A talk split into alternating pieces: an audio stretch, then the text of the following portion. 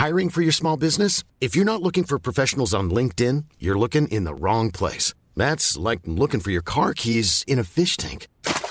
LinkedIn helps you hire professionals you can't find anywhere else, even those who aren't actively searching for a new job but might be open to the perfect role. In a given month, over 70% of LinkedIn users don't even visit other leading job sites. So start looking in the right place. With LinkedIn, you can hire professionals like a professional. Post your free job on linkedin.com slash people today.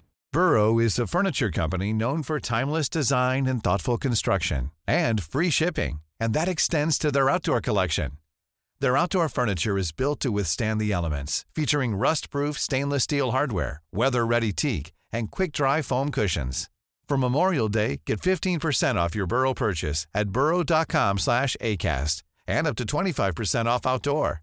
That's up to 25% off outdoor furniture at burrow.com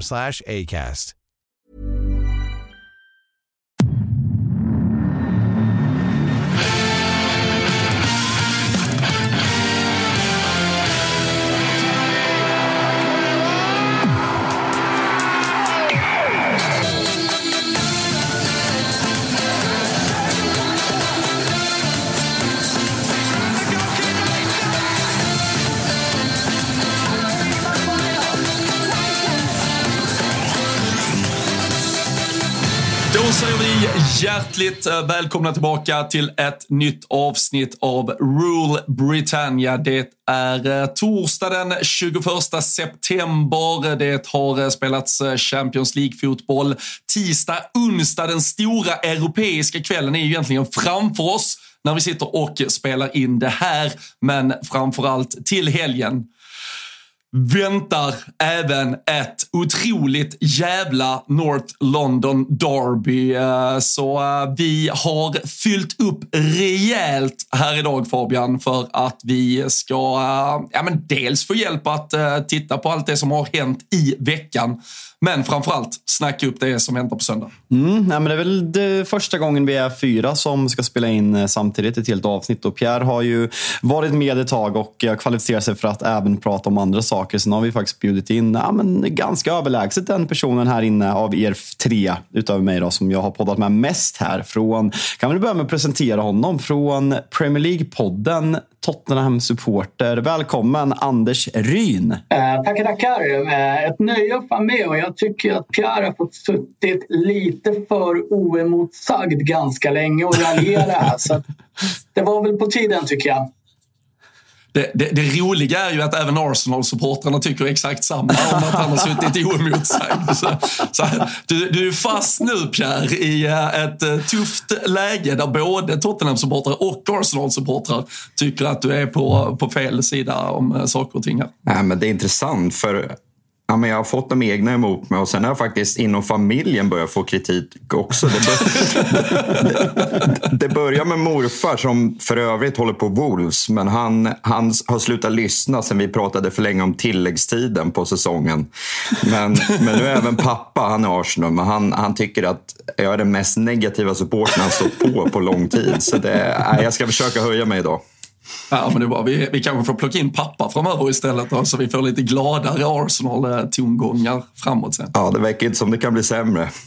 Äh, framförallt så är vi, vi är otroligt nöjda i alla fall eh, med att eh, du eh, på i stort sett vissla när vi skulle dra igång här konstaterade att tekniken redan var på plats. Och för folk som minns det där segerrusiga avsnittet efter att Arsenal hade vunnit över Manchester United så har du nu även lovat att fru och alla andra, eller din tjej åtminstone, är utelåst ur huset och inget kommer att störa idag. Ja, det är hänglås, jag stängde av kaffemaskinen, tvättmaskinen av allt. Nu, nu åker vi.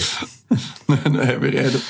Nej, men eh, det är bra. Det, det var ju en eh, stor kväll för er igår. Arsenal eh, tillbaka i Champions League. Det var hymnen på Emirates igen, som dock inte fick heta Emirates väl under gårdagskvällen. Är det något, vad, har du full koll där? Jag och Fabian satt live igår och, och surrade lite kring det, men varför? Vi, vi killgissade helt enkelt.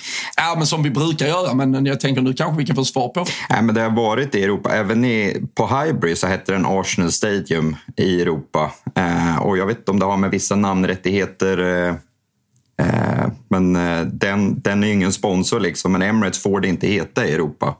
Eh, vad det gäller andra lag så tror jag att det finns liknande. Men har inte exakt fakta. Jag läste bara på att Emirates får det inte heta i Europasammanhang. Ja, det, så, så långt eh, var man väl med också. Men eh, oavsett vad eh, den där arenan hette så var det en eh, väldigt enkel väg till eh, tre poäng. Och ja, men, Förutom såklart då att få, få göra målen, vinna stort, få en bra start på någon som ändå kanske ska vara lite av en promenadseger i det där eh, gruppspelet med tanke på hur det har lottats så måste det väl inför det som väntar på söndag var extremt skönt för Dels att bara boosta självförtroendet lite men också att det blev ja, men en match där ni kunde gå på lite halvfart eh, från typ 30 minuter och framåt. Jo, så är det ju. Uh jag är ju lite orolig eftersom Tottenham kommer att spela... Vi kommer att spela två matcher efter att Tottenham spel, senast spelade match. Eh, eftersom vi spelade söndag och de i lördags. Eh, och sen den här. Men jag tror det är absolut den optimala match man vill ha inför ett derby. Eh, vi gick ju långt ifrån på halvfart första halvtimmen. Många som visar toppform, vi gasar på rejält. Eh, men sen att Arteta gör de bytena redan innan minut 60 visar ju på att han har tankarna inför söndag. Eh, och ja, vi hade ju PSV Eindhoven i gruppen förra året eh, i Europa League. Och då var det, såg det inte alls lika, lika lätt ut. Och jag var i Holland och såg oss torska där. Så ja, jag har inte full koll på hur deras rotation i truppen har sett ut. Men absolut så, så var det något annat igår. Och jag tror att vi får se fyra olika målskyttar eh, och många som får speltid gör att eh, det bara ger energi till laget. Men kändes det lite igår som att det vart liksom, men, att utdelningen verkligen kom? Vi har suttit i den här podden och pratat om att det är otroligt imponerande av Arsenal att det kanske inte flyter som det gjorde förra säsongen. Man har haft svårt att hitta den där tredje mittfältspositionen. Ska Havertz ha den? Vieira kom in och gjorde bra mot, full, äh, mot äh, hjälp mig, vilka mötte ni senast? Everton. Tack. Och, eh, och, men nu liksom vart det bara allt satt. Saka gjorde mål, Gabriel Jesus var tillbaka och gjorde mål och det verkligen kändes som att utdelningen kom. Jag tror att det, att det är viktigt att den verkligen kom. För även om ni har kanske imponerat stundtals så har det inte varit de här solklara stegarna som det verkligen vart igår. Nej, så är det ju. Det är lite svårt att jämföra med ligaspelet för det här PSV tror jag hade varit i nivå med Luton kanske i ligan så som de uppträdde igår. Men absolut så tycker jag att vi spelmässigt såg redan bättre ut i söndags mot Everton. Eh, men sättet vi får ut eh, våra anfall på 4-0 kändes i underkant igår. Så absolut så, så börjar poängen ramla in för vissa spelare som det kanske har varit lite hackigt för tidigare. Eh, men det är väl i ligaspelet som vi hoppas se det mer och framförallt på söndag lite kanske också blessing in disguise här att uh, Martinelli linkade av och uh, Trossard därmed uh, eh, är mer självskriven i alla fall. Det är ju jävla formtopp på honom efter avgörandet mot Everton men bra igen igår och kommer väl med riktigt bra boostat självförtroende på helgen. Ja, så är det ju. Riktigt fin båda matcherna.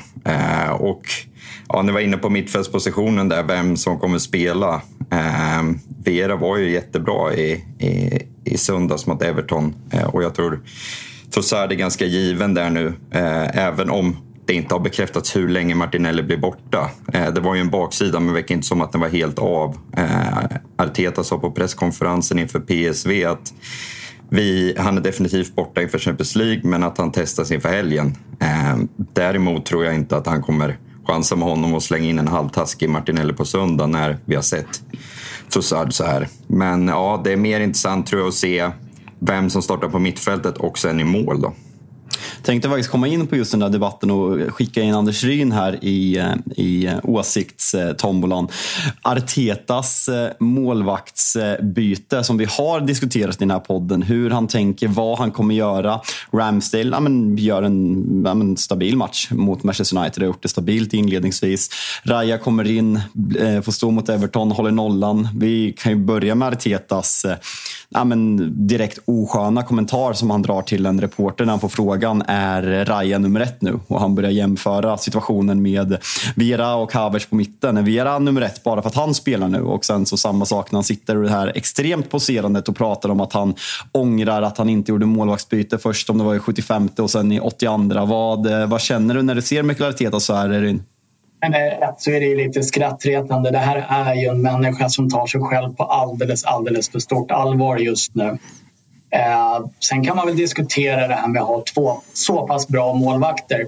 Jag skrattar ju faktiskt lite åt när Arsenal värvade Ramsdale och hade väl förhoppningar om att han skulle åka ut med sin fjärde raka klubb eller något så här.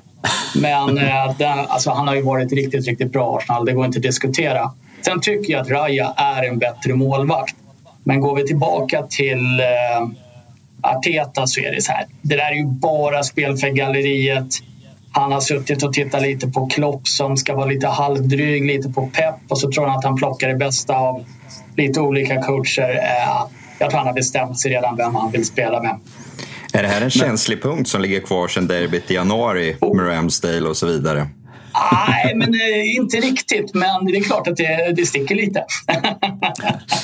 jag, måste, jag, måste, jag måste fråga dig Pia, när vi är inne på Arteta. Alltså jag, jag vet ju att väldigt många stör sig på honom och jag börjar väl också komma dit när man ser honom. Och liksom, jag vet ju en annan människa i den här podden som har en, eh, en tränare som kan provocera ganska mycket. Alltså han, han skulle ju aldrig kunna säga något negativt om Jürgen Klopp och liksom kunna se att han är ett, en psykopat, en poserande psykopat i stora delar av sin. Men jag kan ju liksom känna att kollar man liksom på, på sociala medier kanske framförallt. Liksom Arteta tar med en hund till en träning. Åh, han är en sån fin människa. Han har med en hund. Alltså så här, är du också där eller kan du se något kan, man bli något poserande av, poser, stör, provocerande av pro, po, poserandet för Arteta? Nu har varit mycket p-ord här för mig. Men fattar du, fattar, fattar du frågan? Nej, jag förstår vad du menar. Eh, det är mycket mycket filosofier som man absolut kan ifrågasätta hur mycket nytt jag gör och hur mycket är det ett spel för gallerierna. Eh, det låter jag vara osagt. Han vet nog bäst hur truppen fungerar. Men eh, ja, på ett positivt sätt kallar jag honom ett totalt psykfall. Eh, men det har ju varit till vår fördel än så länge. Eh, och förra säsongen var vi uppe där, vi och City, bland de bästa. Och Klopp, som du nämner, har ju vunnit allt. Eh, och då har man lite tillåtelse kanske att köra sitt egna spår och man blir lättare hatad av de som inte tillhör en. Så eh, jag tror det är en del av det att han vågar uttrycka de här känslorna för att han har eh, ja, men presterat ganska bra senaste året. Och det känns som det är senaste året som man också har börjat med de här, de här grejerna. Innan, innan gick vi inte bra till en början med honom och då såg vi inte lika mycket av det här. Och det, det vill jag vara jättetydlig och säga. Alltså, det är en stor del avundsjuka som jag pratade om det. Jag kan ju se att folk stör sig på Erik Ten Hag, men att ha sådana tränare som du säger, alltså Pep och Klopp är de som sticker ut på det här sättet och då är även de som är mest framgångsrika. Så i grund och botten är det en avundsjuka, men man känner ju liksom att man, jag personligen, och jag ser även många andra börjar störa sig mer och mer på Arteta, men som sagt som Arsenal-supporter, man, man älskar honom. Jag, jag fattar det. Går inte riktigt känslan att man stör sig mindre och mindre på Ten Hag egentligen och hoppas att han ska vara kvar för evigt?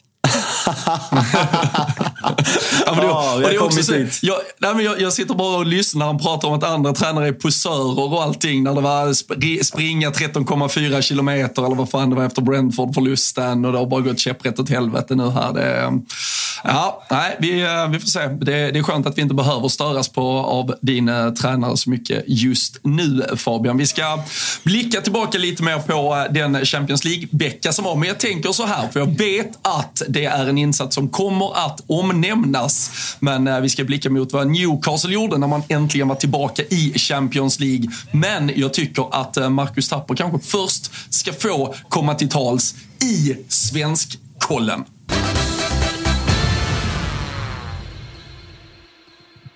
Visst börjar man känna vart åt den här hösten barkar för svenskarna? Va? Alexander Isak är ju kanske Englands kallaste spelare just nu. Bänkad i ligan och var det den sämsta insatsen man sett av honom i Champions League kanske. Ingenting har hänt sedan premiären och eh, snart börjar vi säga att det är över för honom. Robin Olsen tillbaka på bänken för Aston Villa. Emil Kraft är tillbaka i träning, så det är ju positivt i alla fall. Elanga gjorde sin första start för Nottingham Forest. Hände ingenting. Nilsson Lindelöf spelade hela matchen när United lyckades förlora mot Brighton. Totalt överkörda ju. I Champions League blev det ju torsk mot Bayern München såklart, men det är svårt att skylla på honom, även om han var ganska värdelös. Hjalmar Ekdal är fortfarande borta för Burnley. Men Dejan Kulusevski räddar veckan lite med att avgöra matchen mot Sheffield United. Ska inte behövas ett mål i 102 minuter mot dem, men tack så mycket Dejan för att du fick Sverige att i alla fall framstå som kanske världens 50 bästa fotbollsland istället för 75 eller sådär. Svenskkollen out! Rule Britannia är sponsrade av Ullmax och när nu höstens alla aktiviteter kommit igång känns det riktigt bra att vi har med oss ett företag som tänker lite extra på föreningslivet och alla barn och ungdomar som drömmer om träningsläger, kupper och eh, annat kul. Ja, man minns ju själv hur man kämpade på med att sälja både det ena och det andra som liten grabb och man hade drömmar om bland annat Gotia Cup och andra häftiga äventyr med laget. Ja, det har ju varit både en och två gånger man har uh, fått gå och knacka på uh, mormor eller farmor eller någon för att uh, få sålt de där sista grejerna. Och nu då med Ullmax istället och deras för, föreningsförsäljning så blir det ju faktiskt riktigt roligt istället att tjäna pengar till just sin förening. Ja, men exakt. Och som vi precis varit inne på så har Ullmax ett brett och bra sortiment med högkvalitativa funktionskläder som verkligen kom, kommer väl till pass för både barn och vuxna som lever ett aktivt liv. Och de hjälper dessutom alla föreningar med att snabbt och lätt komma igång med sin försäljning. Precis, hela 30 procent av det man säljer för går direkt tillbaka till föreningen och eh, man skapar dessutom då enkelt ett konto på ullmax.com för att komma igång och eh, föreningen slipper också då ta massa onödiga risker genom till exempel stora inköp eller att man då förbinder sig till massa försäljning utan man tjänar helt enkelt bara pengar på just det man säljer. Supersmidigt är det och vi hoppas många föreningar kan komma närmare drömresan tillsammans med Ullmax. Tack till er på Ullmax för att ni är med och möjliggör Rule Britannia. Hiring for your small business? If you're not looking for professionals on LinkedIn, you're looking in the wrong place. That's like looking for your car keys in a fish tank. LinkedIn helps you hire professionals you can't find anywhere else, even those who aren't actively searching for a new job but might be open to the perfect role. In a given month, over 70% of LinkedIn users don't even visit other leading job sites. So start looking in the right place. With LinkedIn, you can hire professionals like a professional. Post your free job on linkedin.com slash people today. Mom deserves the best, and there's no better place to shop for Mother's Day than Whole Foods Market. They're your destination for unbeatable savings, from premium gifts to show-stopping flowers and irresistible desserts. Start by saving 33% with Prime on all body care and candles. Then get a 15-stem bunch of tulips for just $9.99 each with Prime. Round out Mom's menu with festive rosé, irresistible berry chantilly cake, and more special treats. Come celebrate Mother's Day at Whole Foods Market. Burrow's furniture is built for the way you live. From ensuring easy assembly and disassembly to honoring highly requested new colors for their award-winning seating, they always have their customers in mind. Their modular seating is made out of durable materials to last and grow with you. And with Burrow, you always get fast, free shipping. Get up to 60% off during Burrow's Memorial Day sale at burrow.com slash ACAST. That's burrow.com slash ACAST. burrow.com slash ACAST. Ja, det var som sagt ett eh, Newcastle som var tillbaka i eh, Champions League. Eh, hyllning här till Dejan Kulusevski också Ryn, men du får, du får hålla dig lite innan vi ska tillbaka och snacka det. Vad tyckte ni spontant om Newcastles återtåg in i det europeiska finrummet? Det kändes som att de inte hade mycket att eh, komma med egentligen när ett Milan som kanske på pappret inte är lika spektakulärt men som sannoliken vet hur man ja, men bröstar upp sig när Champions League-hymnen dånar stod för motståndet. Alltså nu var inte klasskillnaden kanske lite lika extrem som exemplet som jag ska ta upp här men jag fick lite flashbacks till eh, hur diskussionen har gått efter och under matchen till Sverige-Spanien i Sevilla i EM 2021 där Spanien är fullständigt överlägsna och vinner den där matchen kanske 90 av 100 gånger och får, eh, får kryss. Sverige kanske vinner en och det blir nio kryss. Nu vart det 0-0. Folk pratar efteråt att det är en jättestark poäng av Newcastle och det kan vi väl alla vara överens om att liksom comebacken i Champions League, man åkte till San Siro, ett lag som spelar semifinal i, i Champions League förra året med all den rutin som den klubben och den arenan har av tävlingen. Men sen tycker jag att man måste kunna se skillnad på insatsen som jag tycker är hädisk. Jag tycker att man har sett eh, ja, men, eh, glimtar av, eh, vi pratade om det senast, att det var en krampaktig seger mot Brentford där innan. Tre, tre raka förluster, även om schemat har varit tajt. Men jag, eh, som ju, om jag hade varit Newcastle-supporter, hade jag varit orolig över hur det ser ut. För det finns väldigt mycket som, som inte flyter just nu. Det där mittfältet som var otroligt förra året med Bruno Gimares och Joel Linton som skulle kompletteras med Tonali ser inte alls fungerande ut. Backlinjen inte lika bra som den har varit tidigare och kanske framförallt det vi också har varit inne på som Tapper också pratade om, Alexander Isak. Det, det, det lyfter inte. Och eh, vad, vad gör vi av eh, tankarna kring att eh, Eddie Howe, eh, dels eh, så, eh, jag vet inte om det har, vad, vad som kommer hända, men eh, Newcastle riskerar ju lite böter för att de, de tydligen landade i Milano två och en halv timme för sent. Man eh, tränade inte på arenan, vilket de flesta lag gör kvällen innan. Och Eddie Howe pratar om eh, San Siro som att en fotbollsplan är en fotbollsplan. Eh, är det, eh, har vi att göra med en människa som inte riktigt förstår eh, symbolik och historik i fotbollen när man tror att man kan åka till ja men, fan, ett prenumererande Europamästarlag som eh, Milan och eh, sen tror att det bara är en vanlig fotbollsmatch. Nej, men han, han, han försöker ju snacka ner betydelsen av att det ska vara något så enormt speciellt för Newcastle naturligtvis. Eh, det är klart att även Eddie Howe förstår att det här är klassisk mark han kliver in på. Eh, går vi tillbaka till insatsen som Newcastle gör så tycker jag inte ens att de ger sig själva chansen riktigt i den här matchen. Jag tycker inte de har de har inte agerat på det sätt jag trodde att Newcastle skulle göra. De har snorrika ägare från Mellanöstern. De kommer fyra, de får komma ut i Champions League för första gången. Jag skulle vilja säga att de gör ett mediokert transferfönster. De eh, har inte alls förstärkt det. Jag eh, undrar lite vart de, eh, vad de vill egentligen för att gå ut och spela som Tottenham gjorde under Mourinho eller Conte. Det kommer du inte klara i Europa. Det, det har Tottenham fått erfara också. Men samtidigt tittar man bara på, vi kan ju absolut tycka att det är ett mediokert fönster, men tittar vi om vi lägger ihop alla transfersummor till slut med Tonali, med Harvey Barnes, med Libramento, med Lewis Hall, även om det är någon suspekt lånevariant som övergår till ett köp nästa, Anthony Gordon som kom i januari. De är ju uppe på 2-2,5 miljard spenderat på ett halvår ungefär, så det är väl snarare i så fall att det är dåligt investerat. Men det är ju inte så att ägarna har suttit, på, suttit helt på plånboken, även om den såklart hade kunnat vara djupare och fetare. Ja, absolut inte. Det, det, är mycket pengar, men är det spelare som verkligen har gjort Newcastle bättre? Gordon börjar komma igång lite, han är duktig. Harvey Barnes utgår väl fortfarande från bänken. Livramento, Livramento, jag vet inte vad han heter ens, men eh, han var väl skadad större delen av förra året dessutom. Va? Mm. Eh, Lewis Hall var absolut inte ordinarie i Chelsea. Men jag tycker de tar sig an den här matchen som du säger det är lite som att man går in med inställningen av att vi är största underdogs. Om man kollar på den där gruppen, den här matchen, ja, Milan som man kanske ser att här kanske de ska ta poäng om man vill vara med och slåss om att gå vidare. Eh, och ja, statistiken talar sitt tydliga språk efter matchen, vem som var närmast att vinna. Men ja, förhoppningsvis har de inte samma inställning på St. James's för där, där tycker jag de ska gå för seger mot alla, alla lag i gruppen. Verkligen. Jo, jo ris risken lite för dem annars med tanke på att, som du är inne på, det är, det är, tre så pass tuffa lag man gör upp med och mot i den här gruppen. Ska du försöka lägga så pass mycket fokus, vi såg att det var en del rotation i Brentford-matchen, även om de kommer undan med, med 1-0-segern till slut. Men det finns ju en risk annars att man varken tar sig vidare från gruppen, man kan ju till och med komma sist i den här gruppen och inte då få en chans att gå vidare i ett Europa League-sammanhang. Och dessutom kanske rotera bort sig lite i ligan samtidigt, så det kan ju bli en ganska tuff höst för Newcastle om de inte får lite rätsida på saker och ting ganska snabbt.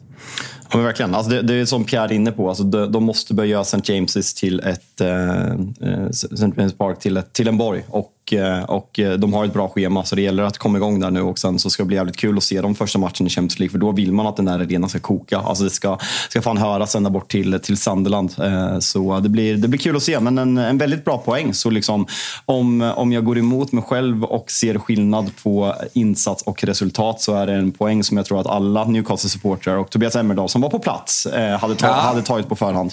Regnigt Milano. Det verkade, de verkade rätt kul ändå inne i stan. Så ja, det... ja, men alltså, ja, ni har väl sett klippen. Vi delar några på, på vårt Twitterkonto också om man eh, följer Rule Britannia där. Det, det var väl ingen högoddsare, Pierre, att uh, Jordis i Milano skulle skjuta ut sig fullständigt i alla fall. Nej, magglidning i regnet på asfalten. Det, det var väl det minsta man förväntade sig, tror jag. Anja Persson på plats i Milano. Det är gåshud. Får vi, får vi samma av dig Pierre i, i London på söndag om det blir tre pinnar mot Tottenham? ja, derbyseger är alltid derbyseger. Då ger jag allt. Det är fan ja, snudd på att jag tar en förlust för att se dig köra faceplant på asfalt. det är bra. Ni, ni, ska, ni ska hållas lite, hålla era ringhörnor äh, än så länge. Det, det, det är snart, eh, vi öppnar snart upp för full fight. Äh, City, de äh, behövde vända och vinna. Det var under med 1-0. Ganska överraskande var ju sannerligen det sett hur första halvlek såg ut.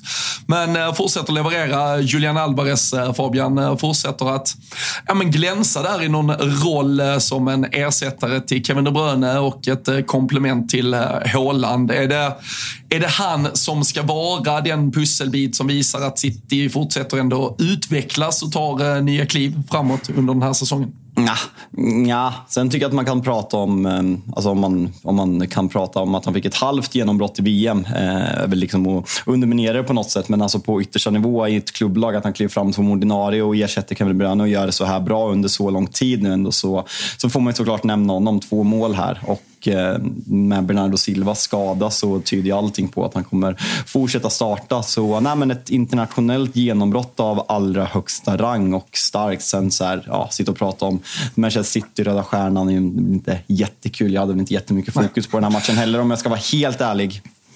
Vi kan väl eh, ryna, eh, som eh, Fabian nämnde tidigare, Premier League-podden har ju du suttit och gjort år efter år. Ni har ju en kär programledare där med lite Cityhjärta och jag och Fabian har ju suttit här och varit lite, jag vet, men lite kluvna kring Citys säsongstart. Visst, man tar ju poängen, man vinner sina matcher. Har det varit så jävla bra spelmässigt? Samtidigt behöver det vara det. Vad, vad tycker du om Citys säsongstart? Och är de, är de lika bra och tunga tunga som de har varit de senaste åren? Ja, men jag tror att över en säsong så är de lika bra och tunga som de har varit de senaste säsongerna. Eh, tittar man tillbaka lite så har ju City ofta börjat lite skraltigt i inledningen av eh, Premier League. Nu sitter de där med fem raka segrar eh, och det, det tror jag var rätt länge sedan de hade faktiskt. Eh, vilket jag kan ha helt fel i, men min känsla är det i alla fall. Jag tror att du har rätt. Uh, jag menar, och då kan man ju välja sig, är det här City när de är dåliga, när de tar fem raka segrar, så är de ju fantastiskt bra. Är det ungefär den här nivån de kommer att hålla utan De Bruyne? Ja, då, då kommer de vara överkomliga i vissa matcher för vissa lag. Men är det här deras lägsta nivå just nu? De kommer vara fantastiskt bra då, tyvärr. Mm. Håller vi dem som eh, solklara favoriter, Pierre, till att uh, vinna Premier League? I år igen? Ja, det har jag sagt innan säsongen och jag tycker, eh, som Johan är inne på, att är det här när de är som sämst eller deras låga nivå, då... Eh... Börjar du med psykningar igen och ger mig ett annat namn nu, Pelle? Jag har inte druckit upp mitt kaffe här än, det är tidigt. Ja, men det är bra. Det är bra, Johan, Johan är med. Johan är med. Det är bra. Det är bra. Det, är bra. det var en men, gång. Ähm, Ja, det är bra. Även eh, storfavoriter, eh, Fabian. Eh, vi kikade ju lite eh, oddsen borta på ATG här i veckan också när vi satt. Men storfavoriter till att vinna även Champions League då, back to back. Och Guardiola pratar om att vinna Champions League en gång. Det är det många som gör. Att vinna back to back. Då börjar vi prata speciella klubbar. Är det bara Real, va? Är det någon mer? Kan, kan, kanske, uh, kanske Europacupen? Liverpool, ja, och, varför håller man på och byter? Liverpool gjorde det 77-78. Ja, okay. ja. Så, nej, jag vet, ja. alltså, riktigt un... stora klubbar gör ja, sånt. Ja, nej, men under Champions League så uh, vet jag att det var en grej. Att alltså, ingen klubb lyckades. Och Sen gjorde ju Real det under Zidane, så de, är, de tar i modern tid uh, helt enkelt. Så det, jag tror att man stod i 3.35 eller någonting inför, inför um, Eh, första matchen och det lär väl inte ha ändrats efter Arsenal, eh, Arsenal fjärde favorit var efter, det var Bayern München och Real Madrid där, två, tre och sen Arsenal eh, fjärde favoriter till Champions League. Känner du att ni är Europas fjärde bästa lag? Eller är det bara dopat av er väldigt lätta grupp som i alla fall garanterar er en slutspelsplats? Ja, jag undrar om de oddsen sattes före eller efter gruppen har dragits, men jag tror jag tror de pratade om det i studion igår, att de kanske väger in eh, tidigare att vi alltid kommit tvåa i gruppen och nu kanske man räknar med att vi ska vinna gruppen och då ta oss vidare till en kvart i alla fall. Och en kvart kan väl vad som helst hända. Att det handlar lite om vilken sida man kom på, men är vi fjärde bästa lag i Europa? Nej, det tycker jag inte. Och jag har ju varit kritisk tidigare, men det, jag är väl realist. Nu får du, Arsenal-fansen på dig igen. Jag, jag, kan, jag kan med lite live-rapportering här säga att Arsenal är tredjehandsfavorit på samma odds som Real Madrid efter gårdagens pulverisering ja, av PSV Eindhoven. Och vi kan väl ja. faktiskt säga samtidigt som vi sitter och kollar oddsen här på ATG.se att vi just är sponsrade av ATG och eh, fortsätter med tripplar från eh, Tuttosvenskan. Ni kommer få spelsur med Olen med Thomas Wilbacher och Daniel Olenklint i samma poddflöde som ni lyssnar på Rule Britannia imorgon fredag som bästa uppladdning för helgen. Och sen så kommer det som vanligt ut Big Nine-system där Marcus Tapper alltså satte sin förra helgen. Glöm inte att ni måste vara 18 år för att spela och har ni problem med spel finns stödlinjen.se till hands. Yes, och uh, ja, men någon form av stöd det kan man ju även behöva ifall man hejar på Manchester United, Fabian. Så från, från det ena till det andra ska vi ta oss till Allians Arena. Och uh, det som ja, men, lite tillsnyggat ändå bara blir en 4-3 förlust för Manchester United. Och uh, förlust är förlust, noll poäng är noll poäng. Men jag förstår, alltså det är ju en taskig eh, inriktning att ha på den här frågan. Men hur viktigt var det att det i alla fall inte blev 4-0 eller 4-1 som eh, jag vet att både du, ja, vi, vi satt ju och gjorde detta, vi satt och livesände igår under matchen, men jag vet ju att du var inne på det inför att det skulle kunna bli rätt blodigt där. Ja, men, alltså, det, det, känns lite, om vi kollar på debatten på sociala medier och artiklar som har skrivits om matchen, så känns det lite som att det finns två läger där vissa skriker att det är kris i klubben, att allt är åt helvete, medan vissa pekar på att United är bra första 25 minuterna innan André Onanas eh, dundertavla. Eh, att det är, om det är 14 spelare som inte är tillgängliga i den här matchen, att man ställer upp med en ordinarie i backlinjen, en ny målvakt som inte har lyft överhuvudtaget, en Casemiro som ser åldrad ut och inte blir bättre trots att han gjorde två mål igår. Det finns yttre omständigheter som kan förklara varför det ser ut som det gör, men samtidigt är jag ju jätteorolig för de här, den här 4-3 är ju, alltså ser man över 90 minuter, folk kan prata om att United är väldigt bra första 20-25 minuterna och att man, man lägger sig ner. Eh, jag gästade en United-podd och jag sa United just nu är motsatsen till Mentality Monsters. Man gör en väldigt bra första halvlek mot, mot Tottenham, men direkt när när Tottenham får sitt ledningsmål så viker man ner sig fullständigt. Samma sak med, med Arsenal, man tar ledningen, man släpper in mål direkt och sen så lägger man sig bara ner och liksom släpper in de målen man gör på slutet. Mot Brighton, man börjar bra första 20 när Brighton är mål, man viker ner sig fullständigt totalt och sen egentligen när Bayern München gör, alltså André Onanas kroppsspråk, alltså jag förstår att han är mänsklig liksom, men det andas inte pondus på en målvakt när liksom spelarna får trösta honom om det är 20-25 minuten. Det är, eh, jag, jag är jätteorolig. Sen kommer inte jag sitta här och döma det här Manchester United. Alltså, om man hade drömt om att kunna utmana City och liksom vara på Liverpool och Arsenals nivå, det är ju bara att glömma redan nu. Och det är så jävla tråkigt att man inte ens får drömma. Vi pratade om ah, ah, ah, Postecoglous liksom, drömmande och tro i Tottenham förra året. Den kommer ju jag troligtvis inte få känna på hela säsongen och det är jättedeppigt att man är av med i september. Men jag vill inte döma det här Manchester United och Erik Ten Hag innan man får se de här spelarna komma tillbaka. För det, det är orimligt med skador och otillgängliga spelare just nu är man lite taskig kanske man också kan känna som, för ni närmar ju er i, alltså, numerärt, ni, ni får ju in de där eh, bollarna i andra halvlek också, men det känns också som att Tottenham eller Tottenham säger jag, Bayern München. Det är bara för att de har Harry Kane. Det är, så det, är, det var han jag tänkte på. Det är, det är typ samma lag. Spelar lika bra också, dominerar ute i Europa och överallt. Men eh, det kändes ju också som att Bayern men lyckade, alltså de kunde ju höja lite. Alltså varje gång ni kom nära så tryckte de till det lite till på er. Så det var, jag vet att jag, det var väl snyggare siffror än vad jag kanske tyckte att eh, matchen var. Och eh, för Onana så det blir, alltså det var ju intervjuer inför den här matchen där han tog på sig ganska stort ansvar för att eh, nej, men han hade kanske inte varit tillräckligt bra under säsongsinledningen. Nu är det ju framförallt det första som är ja, men en superdundertabbe från hans sida. Men oavsett vad så är det dessutom fyra insläppta mål mål. Hur, hur illavarslande är det här? Och det var ju ändå, alltså, det här var sommaren ni skulle göra det stora skiftet från en ja, men, nedåtgående de Gea. Det var starta på verkligen, alltså på noll med den målvakten Ten Hag vill bygga det kring. Och eh, nu är det ju typ 8 av 12 skott eller 9 av 13 insläppta eller vad fan det är. Alltså jag, tror det är inte, jag tror inte att det där stämmer. Jag tror att han hade, jag såg någon, han har typ 67 procent i räddning som är typ sämst i Premier League. Men de där statsen Ja, verkar nej, inte men stämma. skitsam. Så Men, skitsamma. men det är uppenbarligen någonting som nu... Ja, och han fick ut efter matchen och be om ursäkt och så vidare. Det, det är något som redan ligger ja, men som en blöt filt över hela situationen. Och eh, ja, allt börjar väl någonstans med att du har trygghet bakifrån. Ja, men folk på plats ska ju liksom ha sett hur det har synts på honom i grund och botten att eh, han blir helt knäckt efter det där målet. Och det tar egentligen tills ja, men han börjar liksom bygga upp det efter 2-0. Så det tar liksom hela... United lägger sig ner. Jag hörde nu också att det är första gången sedan 2001 som United släpper in två mål eller fler fem matcher i rad.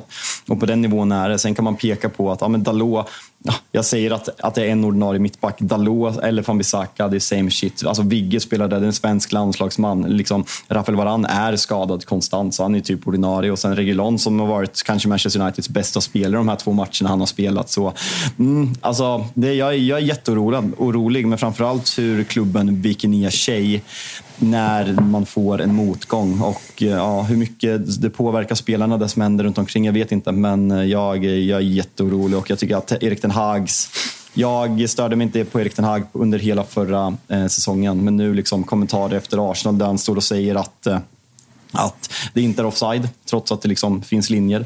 Han säger att eh, bollen inte var ute mot, eh, mot Brighton när Rashford har eh, assisten till Höjlund och han säger att, att United spelar väldigt bra i den här matchen och förtjänar ett kryss igår. Eh, alltså jag, jag vill inte ha... Alltså du, efter första 20 minuterna, United blir fullständigt utspelade och jag, jag köper det du säger Robin, för när United får in sin 3-2, vad tar det? Det tar två minuter, så är Bayern 4-2. Mm. Det känns lite, ja men nu lägger vi in den högre växeln, nu, går, nu gör vi mål. Och liksom, Casemiro är så fruktansvärt jävla dålig och där börjar jag bli orolig på riktigt alltså. Men det är väl också där, alltså till hans lilla, lilla försvar. Alltså jag, jag upplevde ju samma med Fabinho förra säsongen. Han får ju inget skydd heller. Ni har ju ingen löpstyrka runt honom heller. Nej, Christian, det, alltså, Christian Eriksen är hela Englands sämsta fotbollsspelare och då pratar jag liksom hela engelska ligasystemet ner till League 2. Alltså, han är så dålig. Han kan inte spela de här matcherna.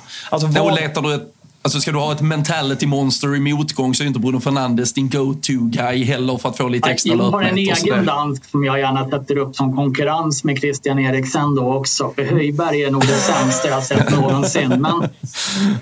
Äntligen är dansk fotboll på dekis. Ja. Fan, bara det kan vi glädjas Men åt. eh, det är lite intressant. Vem ska lyfta det här United då? Det, det är motgång, du kallar dem för mentality monsters. Motsatsen. Vem är, ja, ja, precis. Motsatsen naturligtvis. Men man ser ju ingen spelare som kliver fram i det här United överhuvudtaget. Vem, vem ska den spelaren vara? Jag ser faktiskt inte det just nu. Och sen nämnde du är... Reguilon. Ja, han är jättebra framåt. Han ser ut som ett Tottenham. Det händer lite framåt och det är livsfarligt på hans kant varje gång. Ja. Nej, men, alltså, jättebra fråga. Och det var här, alltså, så här, om vi går till Liverpool förra säsongen som, nej, men, som många trodde skulle slåss om ligatiteln och sen så funkar det inte. Där är det ju Mohamed Salah som kliver fram och gör en dundersäsong som liksom gör att den ändå blir en acceptabel säsong för, för Liverpool. Marcus Rashford, jag och Robin pratar ju väldigt mycket i den här podden inför säsongen att det, är liksom, det börjar bli dags för Marcus Rashford att visa två, tre, fyra, fem säsonger i rad att han ska kunna vara på den här nivån som han själv pratar om, som hans nya kontrakt alltså så här, ringer en klocka om att han ska vara på, att han, att han kan leda en anfallslinje. Han pratar ju om sig själv liksom på samma nivå som ja, men Saka. Känns inte på den nivån, men det är han ju uppenbarligen. Eh, Vinicius Junior, Real Madrid, Mohamed Salah och så vidare. och så vidare. Marcus Rashford är så långt ifrån den, den nivån så det finns inte just nu. Och han är typ ansiktet utåt för motsatsen till Mentality Monsters. För han ser ut att vilja skjuta sig själv när United han bara går och skakar på huvudet, skiter i pressen. Och jag vet inte om ni har sett de här bilderna när Scott McTominay kommer, kommer in underläge 3-1 och liksom blir av med bollen. Ja, men han joggar hem. Domaren springer ifrån Scott McTominay när han har varit på plan i två minuter i hemjobbet. Det är så, och han ska vara liksom den som är ansiktet utåt för liksom mentalitet. Ja, det, det som frustrerar mig mest var att han inte ens kunde stå i synk med övriga spelare när de tog lagfoto inför matchen. Han satt mycket djupare ner, men han fattar inte ens om man ska stå på lagfoto. Det, det gjorde mig lite irriterad. Men, men det är ju som alltså, när Liverpool är dåliga så gör ju ändå Mohamed Salah mål. När Tottenham är dåliga så har ju Harry Kane ändå allt gjort. Men vill du vara den stora stjärnan i ett lag, då får du fan dra lasset även i tuffa tider. Han flög i våras, eller ja, senvinter, vår, när hela laget funkar. Men äh, det, äh, ja, det... Hade du bytt honom mot, äh, mot Saka i ditt Arsenal, äh, Pierre? Eller vad, vad håller vi Marcus Rashford bland Premier League-yttrar? Räcker det inte att gå någon månad tillbaka och Fabbe yttrar som att han är världens bästa fotbollsspelare? Det, det, har, nämnts, det har nämnts Ballon d'Or. Ja, har, ja, jag har inspelningar en gång per år de senaste fem åren när han säger det också. ja, och det, det, har inte blivit... Vilka... Det har inte blivit han har inte kommit närmare det ändå. Nej. Men vilka har ni i helgen, Fabbe? Eh, Pallas. Så det kan jag. Nej, Nej Burnley. Burnley Nej, sen. Burnley. Fan vad dum i huvudet jag Sen har vi dubbel Pallas i ligacupen. Vi har Burnley borta 21.00 på lördag. Så det är, det är bara räkna. Luktar ju att Burnley tar första segern. Nej, men det är ju bara att börja dricka väldigt tidigt så att man inte kommer ihåg någonting. Finns inget och annat. Och fortsätta till väldigt, väldigt sent. Jajamensan. Det, det är planerat. Det, Ja, nej, vi, vi får se hur eh, det går för eh, United eh, här till helgen. Och ja, men vad fan, är det någon ljusning på, på skadefronten och är det någon spelare som tros kunna vara tillgänglig? Alltså för, ska, man vara lite taskig mot den? Alltså, det är ändå inte, det är väl kanske Varann och Luke Shaw, köper jag. Man vill ha in dem i en backlinje. Mm. Och det är väl en högerytter fungerande såklart, men annars tror jag att de här då... De, de, de är inte ens skadade. nej, nej, de är ju otillgängliga av andra anledningar. Men alltså en, åtta, av, alltså åtta elftedelar av det här hade nog du och många med dig tagit ut som er bästa elva inför säsongen. Exakt. Så det är inte heller så att det sitter hundra spelare och väntar. Nej, jag, jag, jag, håller, jag håller med dig i sak. Eh, sen liksom med, med bredd och vissa viktiga spelare. Men i sak håller jag med dig om att man kan inte peka för mycket på skadorna. För att det är ganska många spelare som är på plan som ser ja, men undermåligt dåliga ut. Som hade spelat när vi ställer upp vår bästa lag. Mason Mount, eh, Rafael Varan och Amrabat ska vara i träning. Sen om de är i full träning. Kobe Maino börjar träna med laget också. Så det börjar se, eh, se en ljusning där i alla fall. Så det, det är positivt. Men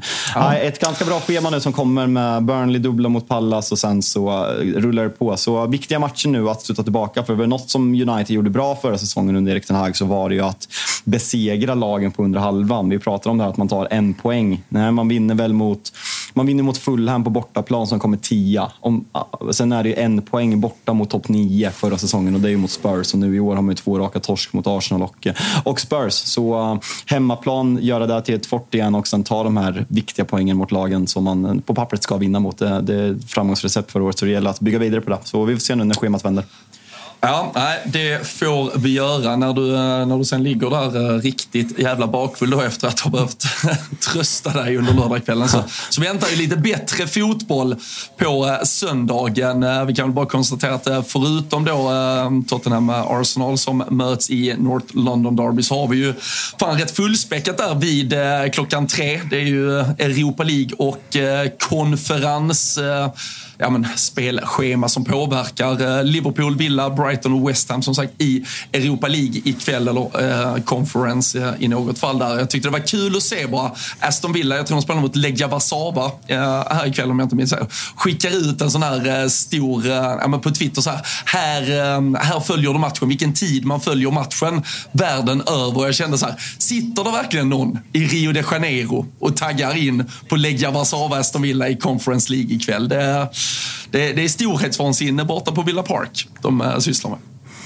Ja, men det ska väl hyllas. Men eh, vad, vad känner ni idag? Eh, Lisk ikväll.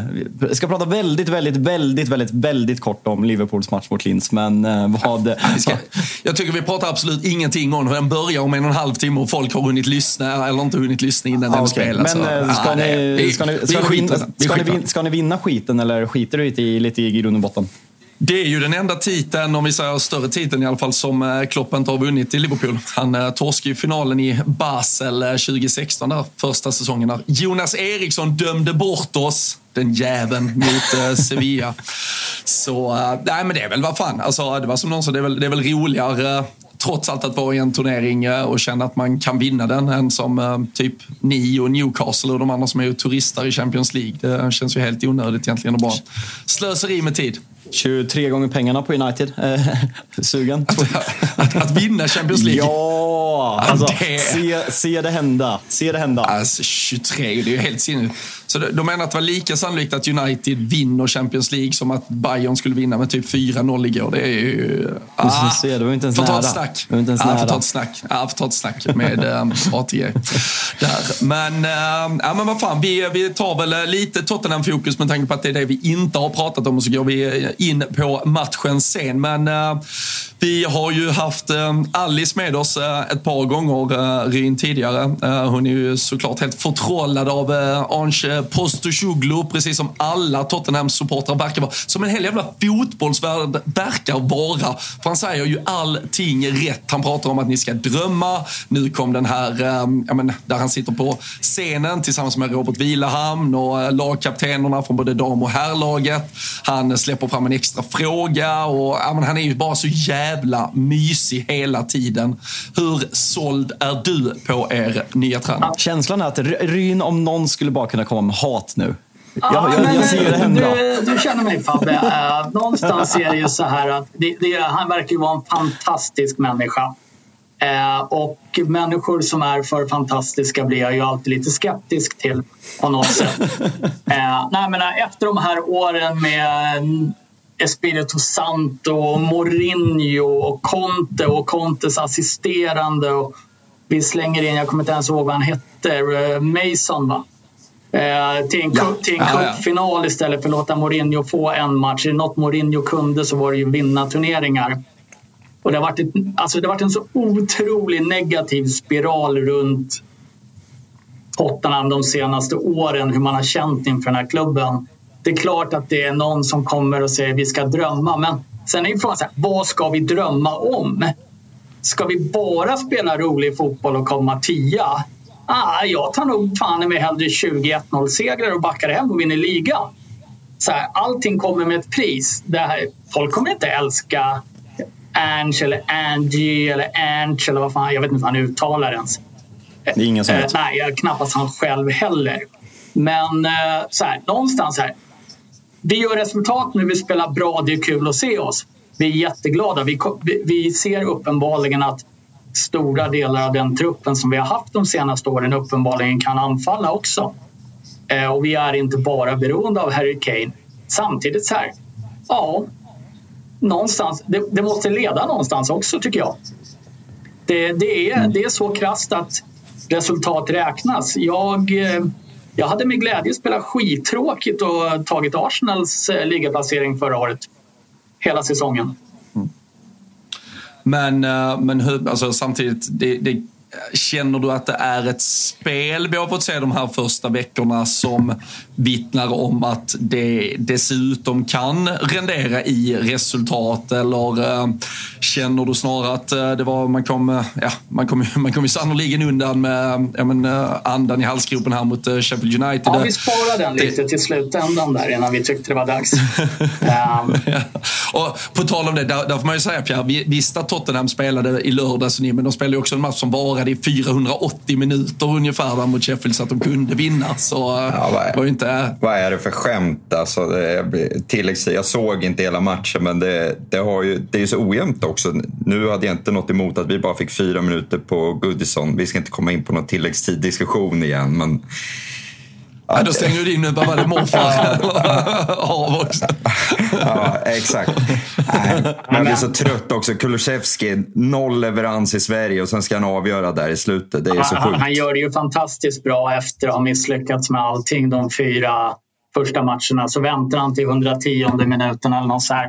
Och det är ju snyggt, men jag menar den här matchen ska ju Tottenham ha hör- avgjort redan efter. Robin, hörde du att, förlåt Ryn, hörde du att Ryn gjorde som jag också och sa 10010?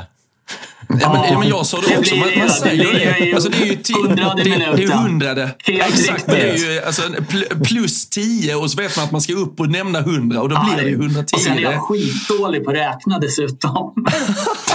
eh, nej, men det, det är klart att det är så här. Men eh, just där och då. Eh, jag stänger av matchen i eh, 90 minuten och sätter mig och kollar på stormötet Djurgården-Värnamo.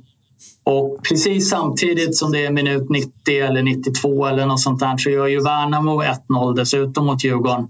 Så jag sitter ju där och är riktigt, riktigt grinig och irriterad och ser faktiskt inte att Tottenham har vunnit förrän jag kommer hem efter Djurgårdens förlust. Och förstår fan inte hur de kunde få in två. Till och med Richard Leeson lyckades ju peta in den. Men det, så mycket sa... Alltså, Sheffield United hade kramp efter en kvart, deras första spelare. Så att det blir mycket tillägg, ja, det kan väl diskuteras. Eh, det roligaste med det är ju att James Madison efter 2-1 målet lägger sig ner och fejkar kramp framför någon av spelarna i Sheffield United. Och det, det är ett bra hån kan jag tycka. Ja, ja men det, där hade Allison hade något liknande mot Everton om det var förra eller förra säsongen. Just Pick, ja, Pickford ja. körde ju den där, varje jävla sån lätt boll han bara plockade ner så skulle han ändå ligga i gräset eh, så länge det var 0-0. Så när Liverpool har 2-0 då, då, då kör Allison en likadan. Men eh, fan, jag vet inte om det är bra eller dåligt för, eh, för eller fortsatta debatten här för mig att vi har två Djurgårdar. De kanske landar i kärlek här trots allt till slut. Men, eh, det, men eh, Pierre, jag tänkte på det när du, när du nämnde med Kulusevski. Jag hörde också att det var med en underton av att du var i Estland och du följer ju det svenska landslaget eh, ganska nära. En frustration kring Kulusevski. Hur känns det med en spelare du då alltså måste stå och sjunga fram ett par kvällar då och då och sen så fullständigt avsky honom någon vecka senare? Ja, han har ju ingen sång direkt så jag slipper ju säga och sjunga hans namn. Men nej, samma som engelsmännen så här skiljer och hejar fram Harry Kane i landslaget så, så gör jag också det för Sverige. Men eh, nej, jag, tyck, jag tycker men- han har varit, alltså det är inte bara nu han har varit dålig för Sverige. Jag tycker under senaste året varit klart mycket bättre i Tottenham än i Sverige. Sen visst, man kan diskutera omgivning och så vidare, men eh, han, har ju en ganska, han är ju en ganska bärande spelare i Tottenham för närvarande och har inte alls varit det för Sverige tycker jag. Jag tycker det stora problemet är att han inte är så bärande i Tottenham som han var första året när han kom dit. Eh, gjorde otroligt mycket poäng. Eh, han var en av dem jag skulle ha satt på bänken först förra året och jag tycker inte han har inlett den här säsongen speciellt bra heller. Eh, och jag tycker att han har samma syndrom lite som i, svenska landslaget. Att det ska spelas för att det ska vara en avgörande passning, en avgörande poäng eh, varje gång vilket gör att eh, han tappar rätt mycket tycker jag där faktiskt. Kommer ni fortsätta, om vi går in lite på derbyt då, kommer ni fortsätta spela med sån som nia med, eh, var det Solomon som startade andra, andra matchen i ja. rad? Och, eh, tror, eller tror du Richarlison kan ta platsen tillbaka efter eh, ett mål och ett senaste inhoppet?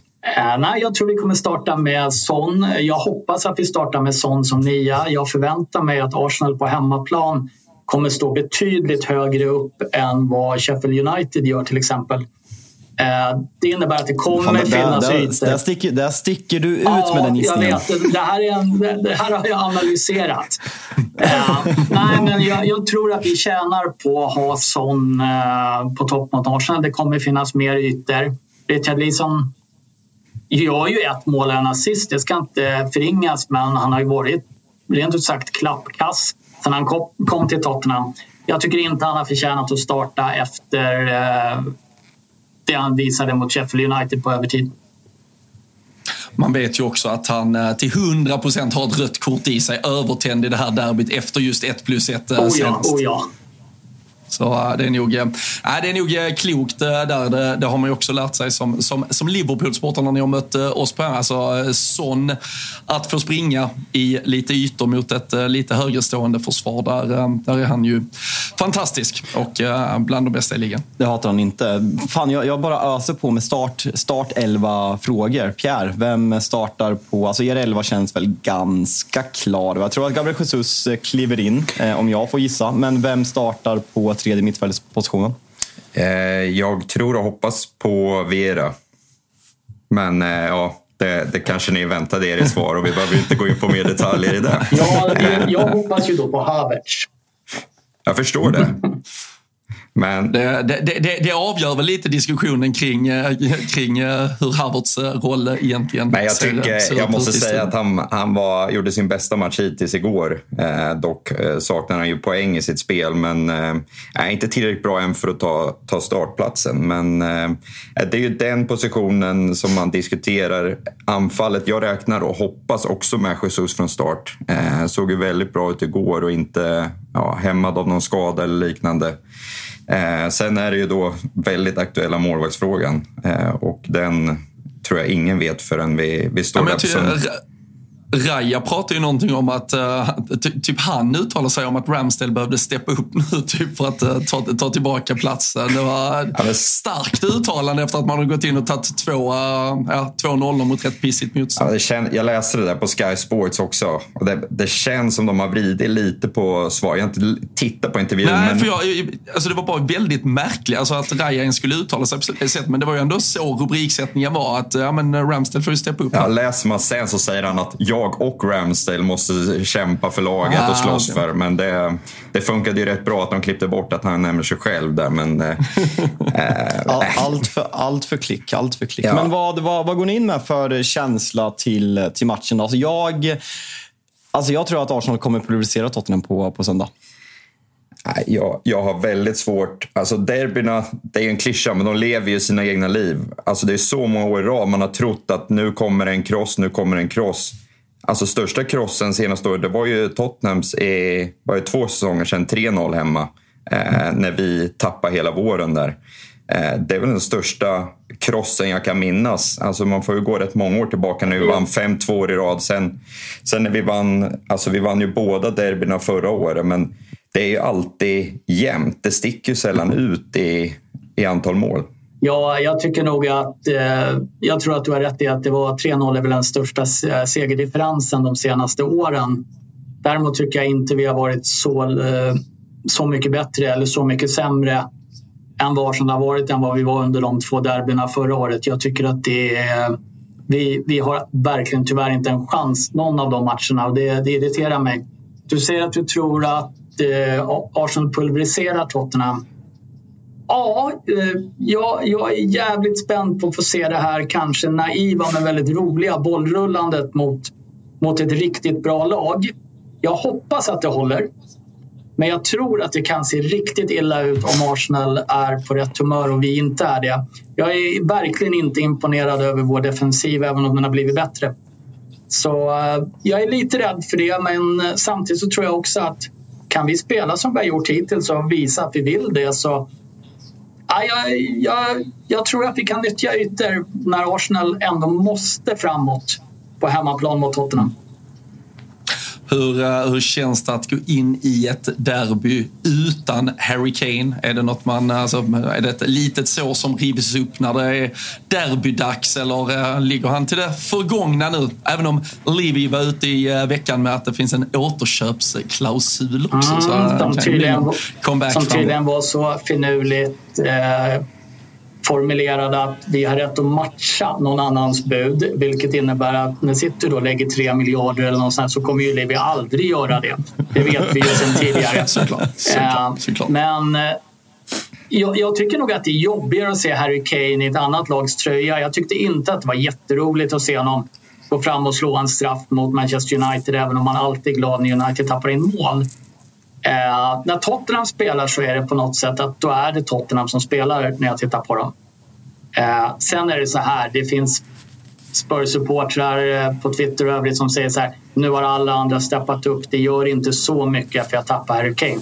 Vi tappar världens bästa nia, punkt. Det, fin det finns inget positivt att bli av med en sån spelare generellt. Nej, jag, jag, jag håller med. Men gällande matchen, om vi, om vi bara frågar dig Ryn. Vad, Alltså det går ju att kolla. Jag vill verkligen inte förringa. Jag är jätteimponerad av Tottenham. Jag var skeptisk till tillsättningen av, ehm, av Postecoglou för att jag liksom min spaning var att hade han varit så bra som folk pratar om att han är, då hade han för det första liksom Tottenham ville ju gå först på Company, sen var det någon tysk som jag inte ens kommer på vad han heter, så han var ju varken första, andra eller tredje val. Framförallt hade man ju hört talas om honom. Ja men, ex ja, men exakt. Och sen så, ja, men matchen mot Brentford, spelar bra stundtals, släpper till ganska mycket chanser. United visar sig att United är inte så jävla bra. Sen därefter är det segrar mot Bournemouth, Burnley och Sheffield United. Det är ett ganska enkelt schema. Hur orolig är du över eller snarare, hur, hur, tror du att eh, Tottenham kommer ta sig an den här matchen? Arsenal kommer vara spelförande, men kan Postecoglous Tottenham sitta lågt? Eller kommer man försöka matcha Arsenal genom att ha bollen så mycket som möjligt och kliva på? Jag tror att spelidén från Postecoglou kommer vara att vi ska spela vårt vanliga spel.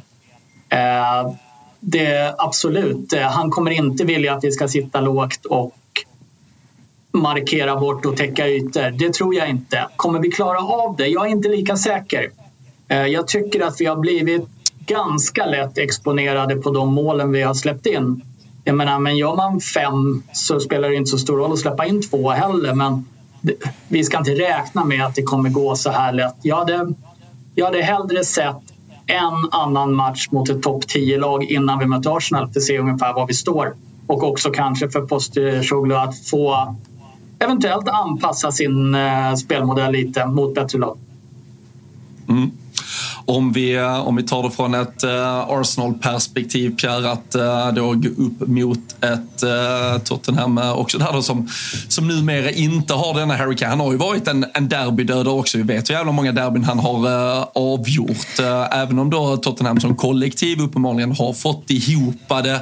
Tycker du att det är, ja, går du in med på något sätt förändrade känslor kring ett derby av Tottenham? Och var, var, var ser du Tottenham? Hur, hur tuff ser du alltså, matchen vara och att, ja, som du bedömer motståndet just nu? Nej, alltså det är klart ni är inne på Harry Kane. Och det, jag kollade över 14 mål på 16 matcher mot oss. Det är, ju, eh, alltså det är ett otroligt fas. Jag tror han är den som har gjort flest mål i Northland och Derby någonsin. Eh, så det är klart det är en skillnad. Men att jag ser det som en lättare match? Nej, för jag är också väldigt imponerad av, av Tottenham i början av säsongen. Eh, och jag tror tror det kommer bli en match. Alltså det kommer svänga. Spelet vi har igår är väldigt mycket framåt, framåt. Eh, det är två lag eh, som jag tror försvarsspelet kommer avgöra vem, eh, vem som vinner. För jag tror det kommer bli mål åt båda håll. Det blir det i de flesta av de här derbyna tycker jag det känns som. Men nej, om jag mår bättre inför ett derby? Nej, det är absolut värsta veckan på året fortfarande, så ingen skillnad tyvärr. Ja. Och äh, piper över till, till London på lördag. Redo ja, för att äh, uppleva det på plats? Ja, det är klart. Jag tror jag inte har missat ett derby på närmare tio år. Förutom, ja, jag bodde i USA några år, men äh, nu efter pandemin har jag varken missat ett derby hemma eller borta. men tror det blir, ja, jag tror det blir eh, eh, speciellt som vanligt. Men det, ja, det är alltid lika jobbigt tycker jag. Fan, det, här, det här känns inte som att man har pratat så mycket om det. Det, det kommer ju säkert upp varje gång, men rätta mig om jag har fel. Arsenal har, Tottenham har vunnit en gång sen man flyttade till Emirates och det är 2011 i ligan. Det är häpnadsväckande. Ja, så är det. Ligacupen vann de 2018. Eh, men det, kollar åt andra hållet så tycker jag i princip har varit samma facit. Kanske något bättre för vår del, eh, men på White Hart Lane. Det har varit hemmalagets fördel. Eh, men eh, jag vill inte prata i de här siffrorna inför helgen. Jag är otroligt rädd för att jinxa någonting. Så det... Kan vi inte få ett avsnittsnamn? Nu, låt mig vara den klickjournalist jag egentligen hatar. Ingen jävla jinx. ja, ja, det är bra. Um, vi, eh, vi kan konstatera, det, det är kanske inget som får någon direkt effekt här nu, uh, Ryn, men uh, Ivan Perisic uh, missar hela säsongen med korsbandsskada, eller mer eller mindre i alla fall uh, ser det väl ut att bli. kommer ju från någon dag sedan, men um, vad, vad ser du i ert lag Andersson? Du, du var inne på lite försvaret och, och mittfältet, kanske inte så imponerande. Är det, är det någonstans i ditt lag du känner att ni riskerar att blottas uh, mot uh, ett Arsenal specifikt? Ja, men, uh, tittar vi på uh, båda ytterbackarna, till exempel Pedro Porro och uh, Udogie. det ska bli väldigt spännande att se Udogie mot Saka på vänster respektive högerkant. Det kan bli en riktig duell. Han är stor och stark. Pedro Porro har inte sina styrkor i försvaret men har varit fantastiskt bra i spelet nu. Jag, jag tycker att vi är svaga defensivt eller har sett svagare ut defensivt generellt. Sen kan jag inte peka på en spelare riktigt jag skulle vilja ha bytt ut heller efter de här matcherna. Däremot att du nämner att Perisic är skadad och kanske inte har så stor påverkan. Eh, jag tänker precis tvärtom. Eh, han är en ytter som kan komma in och göra skillnad och spelar på ett annat sätt än våra andra yttrar. Han är bra på att slå inlägg, Lyfter vi in Richard Dison i mitten så har vi någon som kan sätta in bollen med kvalitet. Ah, han, erbjuder någonting annat än vad Solomon, Dejan och även Son gör när de spelar på kanten. Så att jag ser det som ett ganska stort avbräck för jag tycker inte vi har någonting bakom honom egentligen. Som fjärde alternativ riktigt. Nej, men jag tror just kanterna där också. Vi, vi är ju i princip likadana. Eh, när Sinchenko inverterar, det är otroliga ytor på vår vänstersida. Eh, och återstår ju att se då eh, om Trossard spelar där, men han är inte heller den starkaste defensiv, inte lika löpstark som, som Martinelli. Så jag tror det kan hända en hel del på kanterna. Eh, men jag är också väldigt exalterad över mittfältskampen, Rice mot Madison och sen Ödegård mot Bissouma. Men ja, matcherna kommer kanske vinnas på, på kanterna. Jag är bara sugen på att se Havertz mot Höjbjerg. Det är, det är min... Fan vilken jävla rövkamp alltså. ja, men det blir fint. Är det, är det någon av er som på förhand tar 1-1? Nej, man vill alltid ha en seger. Så det kan jag inte gå med på. Nej, absolut inte. Ja, ja, det är bra. Jag bara testar det. Jag ser ju gärna att ni delar på poängen. Det, det är väl det, det vad ska, bästa. Vad ska, vad, ska jag hoppas på då? Det är bara att skita i det och fokusera du, på... Det, det finns helt andra matcher ja, du ska ja. snegla på. Vilka, ja, det, det finns, vilka möter Everton i helgen, Fabbe? Ja, men det är Luton, Wolves på lördag kan du lägga lilla ögat på. Så, men det är ju verkligen... Eh, både Arsenal och Tottenham står ju lite för en vattendelare sen på säsongen. Vi har sitt det är om två veckor. Sen har vi Chelsea efter landslagsuppehållen och Tottenham-Liverpool nästa helg. De här matcherna kommer ju säga ganska mycket om vart vi, vart vi ska sen, vart det bär av. Ehm, och City har inte riktigt i huvudet vad deras spelschema är, men men det handlar ju lite... Ja, snart, snart, måste de ju börja möta något lag som i alla fall ligger på den övre halvan. Ja, men vi, vi kollar på det här senast och de, de har ju typ tre lätta matcher till. Sen är det, Bright, det är Arsenal först, sen är det Brighton direkt efter United om man nu ska klassa det som en svår match. Eh, vilket man kanske inte ska göra. Eh, men det, det kommer. Alltså det är många lag som har haft eh, jävligt bra schema. Det är väl egentligen United och Liverpool av de, de förväntade topplagen som ändå har haft tuffa matcher. Liverpool har mött Newcastle och Chelsea borta. United har mött ja, Tottenham och Arsenal borta medan ni bara har mött United hemma vilket ja, inte är en tuff match uppenbarligen. Nej, det var inte så bökigt. Nej. Nej, nej, spännande kommer det bli i alla fall. Eh, vi, eh, vi får väl se hur eh, det slutar på söndag. Vi får väl se hur vi plockar ner det, om det blir röster från förlorare eller vinnare söndag kväll när vi sätter oss och spelar in igen. Fabian, har vi något avslutningsvis vi vill plocka ner eller känner vi att vi har stängt ner ja, hela Champions League-veckan i alla fall. Europaveckan går i mål, men den skiter vi i vad som händer torsdag kväll. Ja, det är inte jätteintressanta matcher som sagt. Jag tycker att Pierre får lova att han skickar en eh, video eller ett röstmemo om det blir liksom en, en pulverisering som jag förutspår så spelar vi upp den i podden på, på söndag kväll jo, när vi kör på Visslan. Alltså, framförallt videon på när han glider på mage ner längs kullerstenen. Ingen jävla ings här nu. du, du, kan få välja alternativet som de andra Jordisen valde när de uh, simmade i kapp någon jävla kanot i kanalen också. Så Themsen och uh, 400 meter fritt där kan du få ta. Det blir fan inte mer brittiskt än att någon jävla fet 60-åring hoppar ner i vattnet och ska simma i kapp en kanot liksom. ah, för fan. Det, ja. det känns som ord vi kan gå ut på. Det har varit eh, en eh, jävligt trevlig timme och lite där till. Det är full fart med massa fotboll och Rule Britannia är tillbaka alldeles strax igen ska ni veta. Men Tutu Live Weekend ska vi säga, det görs lördag 11 till 13. Då sitter du och Fabian tillsammans med Kristoffer Svanemar och Thomas Wilbach och snackar upp den europeiska fotbollshelgen så kan man få ännu mer om man vill det. Ja, verkligen. Sen måste jag även pusha att det kommer bli en watch-along i Tutto-regim på söndag där det kombineras North London Derby och kanske framförallt ett ganska ångestfyllt Stockholmsderby där både Ryn och Pierre har... Ja, för fan vad tufft för er. Ni har så dubbelderbyt 15.00 på söndag. det, har hänt, det har hänt det. Jag tror det är tredje året i rad ja. eller något. Det krockar med derby, så det är ja. trist. Ja, ja, nej, det är otroligt. Men förra året var det en kör, riktig jävla skitdag, kommer jag ihåg. I alla fall som Tottenham-supporter. För då gick, åkte man hem med två derbytorskar samma dag. Uh, men om jag säger så här, nu, nu är ju båda, om jag säger att eh, ni får uh, vinst i Stockholmsderbyt men så måste ni dela på poängen i London. Tar ni det då? Ingen jävla jinx ja, men jag ser att Ryn börjar bli sugen nu. så här, det, det, är ju Joel som klappar eh, varmast om mitt hjärta, absolut. Eh, jag tar ju... Eh, måste, måste jag välja så tar jag Stockholms, Stockholmsderbyt. För jag menar, Sånt ska du inte säga när du är med i en Premier League-podd ändå. nej, men jag måste. Ja, men vi- Tänker vi- på att se AIK åka ner. Ja, det är bra. Tappar vi halva lyssnarskaran där också, men det är skitsamma. Det är hur bra som helst. Vi, eh, vi säger stort tack till eh, alla som har lyssnat. Eh, Stort Jo, tack till Johan, eh, Johan. Rynn tackar vi. Ja, det var en av de värsta kapningarna jag har varit med om. Trevligt Johan. Hoppas du har det bra i Stockholm på söndag men inte i London. Ja, absolut. Tack ska du ha Nisse. Ja, det är fint. Underbart. Vi eh, säger eh, så helt enkelt. Vi tackar för att ni har lyssnat och eh, så hörs vi snart igen.